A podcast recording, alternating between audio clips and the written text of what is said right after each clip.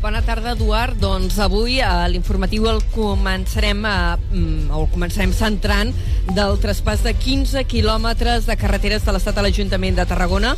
El secretari general d'Infraestructures, eh, Javier Flores, i l'alcalde de Tarragona, Pau Ricomà, han presentat avui els detalls d'aquest acord que permetrà convertir aquests trams d'antiga carretera en vies urbanes. S'hi invertiran 12,5 milions d'euros. A la zona de Llevant, per exemple, es farà un passeig eh, apte per a vianants i bicicletes en paral·lel a la Nacional 340 i a Ponent està prevista l'ampliació eh, del pont que passa per sobre del riu Francolí, el pont de la zona de l'Avinguda Nova, a Roma, volem dir. A més, està previst eh, que hi hagi pantalles acústiques per amortir el soroll de l'autovia A7. Pau Ricomà, alcalde de Tarragona, considera que aquesta és una actuació transformadora per a la ciutat.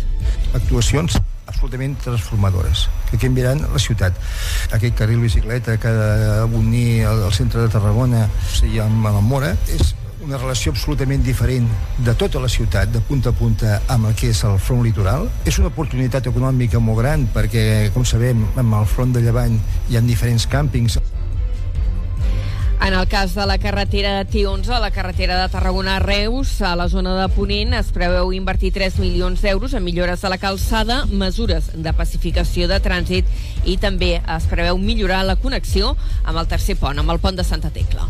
Més coses. Descobreixen una cova a la Febró que conserva un dels conjunts d'art postpaleolític més importants de l'art mediterrani s'hi ha descobert un mural de 8 metres amb més de 100 figures gravades a l'argila, fetes entre l'època paleolítica i el neolític. Està ubicada a la Cova de la Vila i es tracta d'un dels conjunts més importants de l'art mediterrani, diuen, per poder conèixer la manera que tenien de veure al món als habitants d'aquest indret i a la seva època. L'especialista en art rupestre i col·laborador de l'Institut de Paleocologia Humana i Evolució Social de l'IPES, en Ramon Vinya, ha destacat la importància d'aquesta troballa ens connectarem segurament amb coses del sud de França, d'altres llocs del Mediterrani, etc. No? Això fa com un vincle entre el que seria la península ibèrica i fora de la península. I ens sembla interessant. Després que tenim eh, signes que seran molt regionals, molt particulars que haurem d'estudiar, que no els trobarem en cap altre lloc més que aquí, i després que, que està dintre una cova i a Catalunya dintre de coves, de conjunts rupestres dintre de coves n'hi ha molt pocs, es compten amb una sola mà. La descoberta la van fer l'any 2021 de manera casual un grup d'espeleòlegs. Avui, des de l'àmbit de la recerca, s'ha presentat la importància d'aquesta troballa i per tal de poder-la conservar s'ha tancat l'accés a la cova i a més el Departament de Cultura de la Generalitat hi ha encarregat un estudi per poder documentar tot aquest gravat prehistòric. Canviem de qüestió. L'Ajuntament de Tarragona cedeix espais de la tabacalera al Ministeri de Cultura per rehabilitar la necròpolis. La sessió s'ha acordat en el ple municipal celebrat aquest matí. Concretament se cediran més de 3.700 metres quadrats que inclouen el taller, el magatzem dels jardiners, els magatzems 1 i 2, l'accés a la cripta del Roser, la cripta dels Arc i les restes de la Basílica de Sant Fructuós. La rehabilitació es farà gràcies a una inversió de 7 milions d'euros dels fons Next Generation i anunciada fa un any ja eh, pel Ministeri de Cultura i inclou aquesta sessió de caràcter permanent. I en el ple de Tarragona avui també s'ha aprovat l'estructura de costos del futur contracte de la brossa. Només s'hi havien presentat dues al·legacions i les dues han estat rebutjades en el ple. Un punt de l'ordre del dia que ha generat un agre debat entre govern i PSC. A més, també s'ha presentat el tancament de l'exercici pressupostari de l'any passat i s'ha explicat que es disposarà d'un romanent de 8 milions d'euros. La setmana que ve hi haurà un ple extraordinari eh, per donar sortida a aquests diners a través d'un modificatiu de crèdit. Carrer Major la proximitat del Camp de Tarragona. En la crònica de successos desmantellada una plantació de marihuana en un habitatge de Cunit per segona vegada en poc més d'un any. El desmantellament s'ha fet aquesta matinada i han intervingut la Guàrdia Civil i la policia local, que en aquesta casa han trobat una nova plantació de marihuana amb més de 200 plantes. Per segona vegada en 16 mesos s'han localitzat exemplars d'aquesta espècie en aquest domicili del Baix Penedès.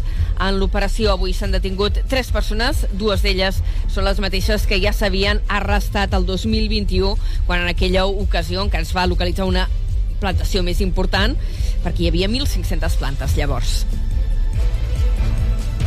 Carrer Major és proximitat. En esports, el Nàstic de Tarragona rep a casa un dels equips més irregulars de la categoria, el Calahorra.